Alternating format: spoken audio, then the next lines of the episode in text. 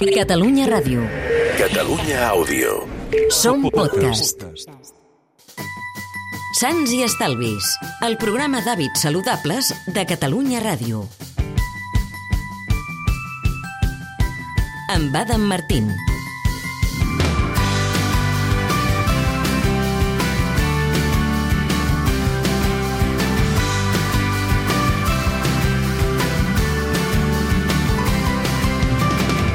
Hola, què tal, com esteu? Benvinguts a Sants i Estalvis, el programa d'hàbits saludables de Catalunya Ràdio. Des de fa ja una bona colla d'anys us parlem de nutrició, d'alimentació i també d'activitat física. I de tant en tant ens agrada entrevistar experts i expertes en tots aquests temes, especialment dietistes, nutricionistes i metges que basen les seves opinions i que basen la informació que donen en l'evidència científica disponible. Avui no tenim convidat, però avui sí que parlarem d'un tema que em sembla interessant, que és el pes. Sobretot del que diu el pes sobre la nostra salut. No és cap secret que quan veiem una persona que està una mica passada de pes, que té sobrepès o obesitat, automàticament tendim a pensar que té problemes de salut i que quan veiem una persona prima, automàticament tendim a pensar que està bé de salut. És el mateix estar prim que estar sa? És possible pesar molt i també estar sa? Avui ho descobrirem.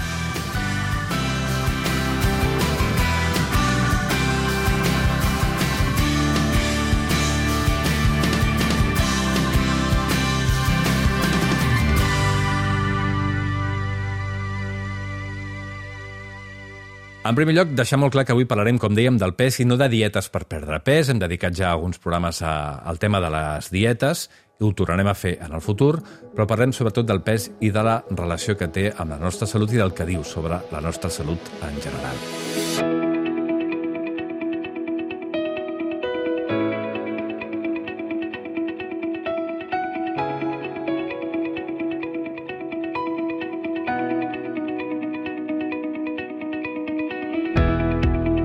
D'entrada, el que podem dir és que el pes és una xifra que ens diu, ens dona molta informació, molt bona, quan estem en els extrems. És a dir, quan tenim un pes excessivament baix o quan tenim un pes excessivament elevat. Aleshores, aquella xifra per si mateixa ja és un senyal d'alarma. Però perquè fa al mig, perquè fa tot el ventall que hi ha entre aquests extrems, realment ens diu ben poca cosa sobre la salut de la persona. Per què? Perquè aquella xifra, que ens dona la bàscula, no ens està dient res sobre la composició corporal, és a dir, sobre el tant de massa muscular, sobre el tant per cent de massa muscular que tenim, o sobre el tant per cent de greix. Tampoc ens diu res sobre què fa el nostre cos i on guarda, on emmagatzema aquests greixos, si estan a les capes eh, subcutànies de la pell és una cosa, no gaire important. En canvi, si és un greix que està concentrat al voltant dels òrgans, el que s'anomena greix visceral, aleshores sí que pot tenir una incidència sobre la nostra salut perquè aquest greix visceral està directament relacionat amb alguns problemes metabòlics i amb problemes cardiovasculars, per citar només algunes coses. Aquella xifra de la bàscula, el pes, tampoc ens diu res sobre el nivell d'activitat física que fa cada persona, ni sobre el que menja, ni sobre si va al gimnàs o no va al gimnàs. Per tant, la xifra, com dèiem, en els extrems sí que ens dona informació, però en la majoria de casos només és una part del puzzle, que és multifactorial, del puzzle de la salut. Parlant de bàscules, hi ha algunes persones que tenen tendència a pesar-se més d'un cop al llarg del dia, dos o tres cops fins i tot. Per què no és recomanable això? Com a mínim des del meu punt de vista. Primer per una qüestió mm, de salut mental. No cal tenir aquesta relació, perdoneu, entre cometes, una mica malaltissa amb la bàscula i amb el pes. Després, perquè ja estem dient que el pes ens diu poca cosa sobre la salut, i en tercer lloc, perquè en el cas que digués alguna cosa, el pes fluctua al llarg del dia i podem pesar fins i tot eh, de 2 a 3 quilos més o menys en funció del moment del dia i de si hem menjat o no, del nivell d'hidratació, etc. I si hem anat al lavabo, sense anar més lluny. La meva recomanació és no pesar-se o fer-ho molt poc sovint, amb molt poca freqüència. Evidentment, si esteu seguint una dieta per perdre pes, us heu de passar per objectivar aquell esforç que esteu fent. Però en la resta de casos hi ha moltes altres maneres de saber la nostra salut que són molt més interessants. Ja sabem quin nivell d'activitat física tenim, ja sabem com dormim, ja sabem com mengem. Això és molt més important que la xifra que ens dona la bàscula. I parlant de bàscules, Què hem de dir d'aquelles bàscules que parlen no només del pes, que ens donen la xifra del pes, sinó que també ens donen el percentatge d'aigua, per exemple, de múscul o de greix. Són fiables pel que fa al pes, faltaria més, i sembla que també ho són pel que fa al percentatge d'aigua. Però, en canvi, quan parlem del tant per cent de múscul i de greix, la xifra que ens donen no és gens fiable. Si teniu diners, si teniu quartos i voleu saber aquesta informació, us recomano que busqueu algun centre que tingui una màquina que es diu DEXA. Aquesta màquina sí que dona informació fiable sobre el tant per cent de greix i de múscul que tenim. Una altra manera d'aconseguir-ho és anar a un bon dietista nutricionista. En molts casos, la majoria d'ells són capaços de determinar el nostre greix corporal a través dels plicòmetres. Què són? Doncs són, és una coseta que serveix, un aparell que serveix per mesurar diferents plecs de greix ubicats a diferents punts del cos, en mesuren uns quants, hi ha una taula determinada que fa uns càlculs i unes aproximacions, ens poden dir de manera aproximada també doncs, quin tant per cent de greix eh, tenim. Plicòmetres i dietistes nutricionistes que siguin bons.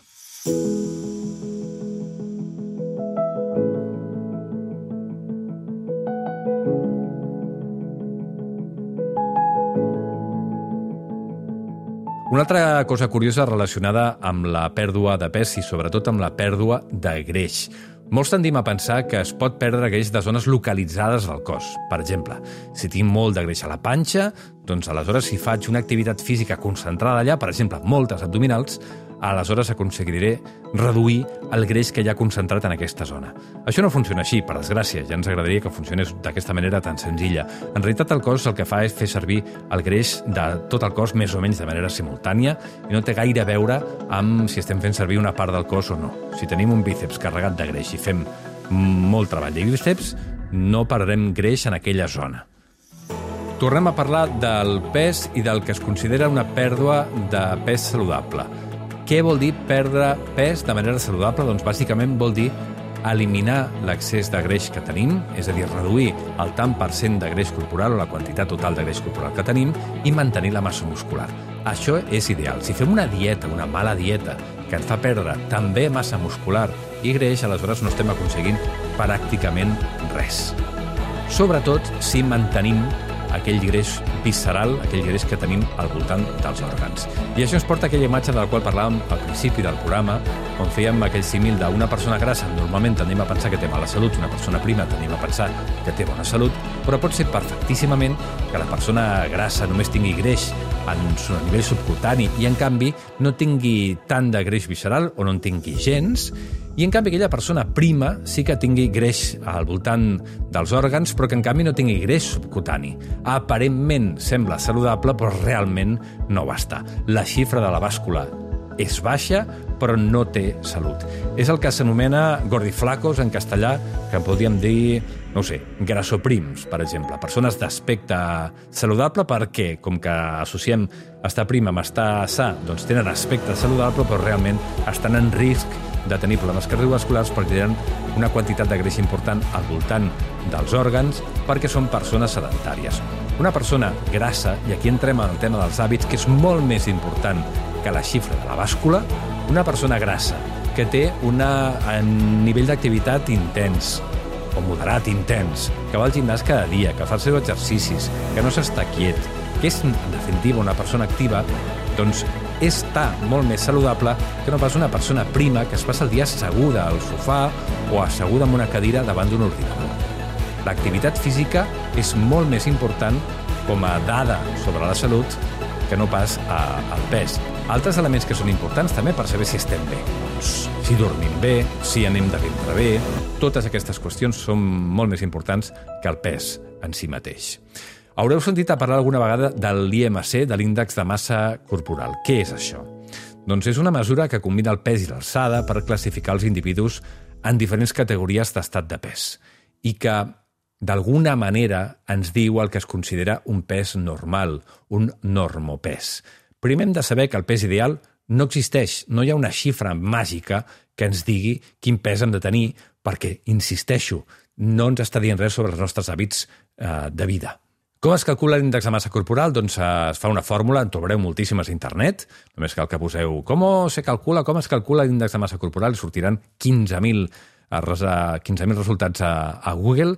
El pes dividit per l'alçada en metres al quadrat. Per exemple, si fas 68 quilos, suposem, i fas un 65 d'alçada, el càlcul seria 68 dividit entre 1,65 al quadrat. Això ens dona un 24,98. Què vol dir això? En termes generals, l'IMC està categoritzat. Si aquesta xifra és inferior al 18,5, aquest IMC, se suposa que estàs en infrapès. Si la xifra està entre el 18,5 i el 24,9, se suposa que tens un pes normal. I a partir d'aquí ja estàs en sobrepès fins al 29,9 i a partir del 30 estaries amb obesitat. Bé, eh, això serveix per alguna cosa? Doncs tampoc, no serveix per gaire perquè, de nou, aquest IMC tampoc ens pot dir gairebé res sobre la salut d'una persona. No ens diu com menja, no ens diu quines activitats fa, no ens diu quant d'estrès té, no ens diu res sobre el seu historial familiar i genètic, no ens diu res sobre el seu metge, no podem saber l'estat de salut d'una persona només en l'índex de massa corporal. I si algú us diu que sí, us està mentint. Totes les persones tenen activitats diferents i, per exemple, penseu que l'índex de massa corporal no funciona en criatures, de fet, no funciona gens, i suposem que tenim una persona esportista que té una massa muscular força considerable, clar, aquella persona tindrà un índex de massa corporal molt elevat, perquè allò només fa un càlcul a partir de l'alçada i del pes. Si fa aquesta persona, com dèiem, 68 quilos, però són de massa muscular, i en canvi fa 1,50, doncs escolta, eh, potser no té cap problema de pes. Potser senzillament pesa molt perquè el múscul pesa molt. Per cert, el múscul pesa molt més el mate amb el mateix volum que no pas el greix. Suposo que heu vist algunes vegades a Instagram aquelles imatges que al mateix volum de greix es veu una enorme massa de greix que pesa un quilo i una massa molt més petita que és massa muscular que també pesa un quilo.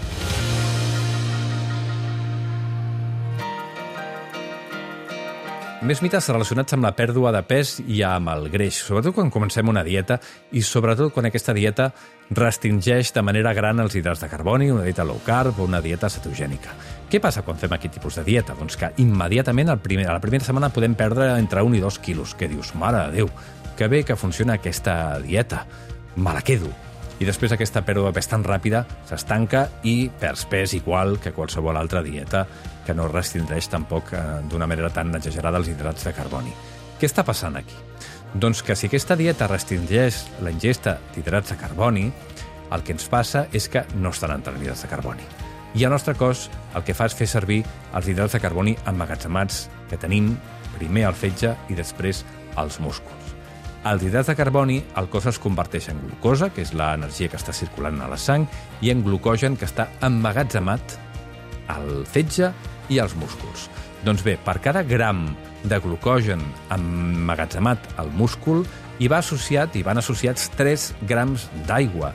Per tant, si es calcula aproximadament que una persona més o menys entrenada pot tenir uns 600 grams de glucogen acumulats als músculs, o 500, hi ha una mitjana més o menys, 500, doncs penseu que d'aquests 500 multipliquem per 3 i tenim també 1.500 grams d'aigua, un quilo mig d'aigua, només perquè tenim glucogen emmagatzemat al cos.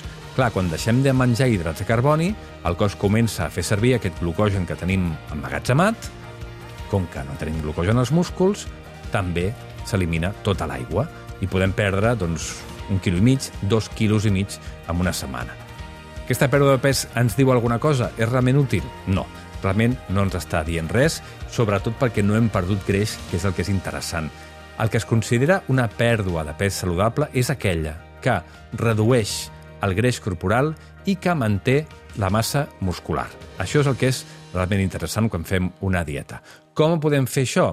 Doncs seguir una dieta saludable, si és que cal, si és que penseu que cal, i després fent activitat física per mantenir la massa muscular. Tot això només per dir-vos que cal que tinguem una relació diferent amb el pes que ens dona la bàscula.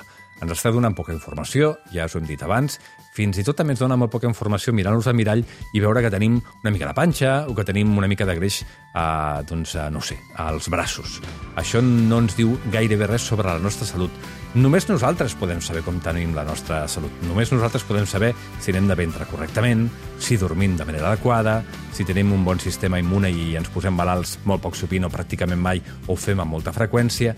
Tot això sí que ens dona informació sobre la nostra i el pes, en canvi, no tant. Amb això no vull dir que l'obesitat no sigui un problema, però parlem d'obesitat, no d'estar una mica passats de pes, que és una cosa totalment diferent. L'obesitat pot ser un problema, sobretot quan anem als extrems i sobretot, especialment, si està associada a cap tipus d'activitat física i a una vida sedentària, el mateix que passa amb una persona prima, d'altra banda. Però no jutgem a les persones pel seu aspecte exterior perquè els nostres ulls no tenen un radar que ens digui res sobre com està distribuït aquell greix i sobretot no tenen un radar per saber com és l'estil de vida de cadascuna de les persones. Per tant, tinguem una relació diferent amb el nostre cos si pensem en clau de salut i no en clau d'estètica per nosaltres i de cara als altres. Eh, tornem la setmana que ve. Moltes gràcies. Sants i Estalvis, el programa d'hàbits saludables de Catalunya Ràdio. Amb Adam Martín.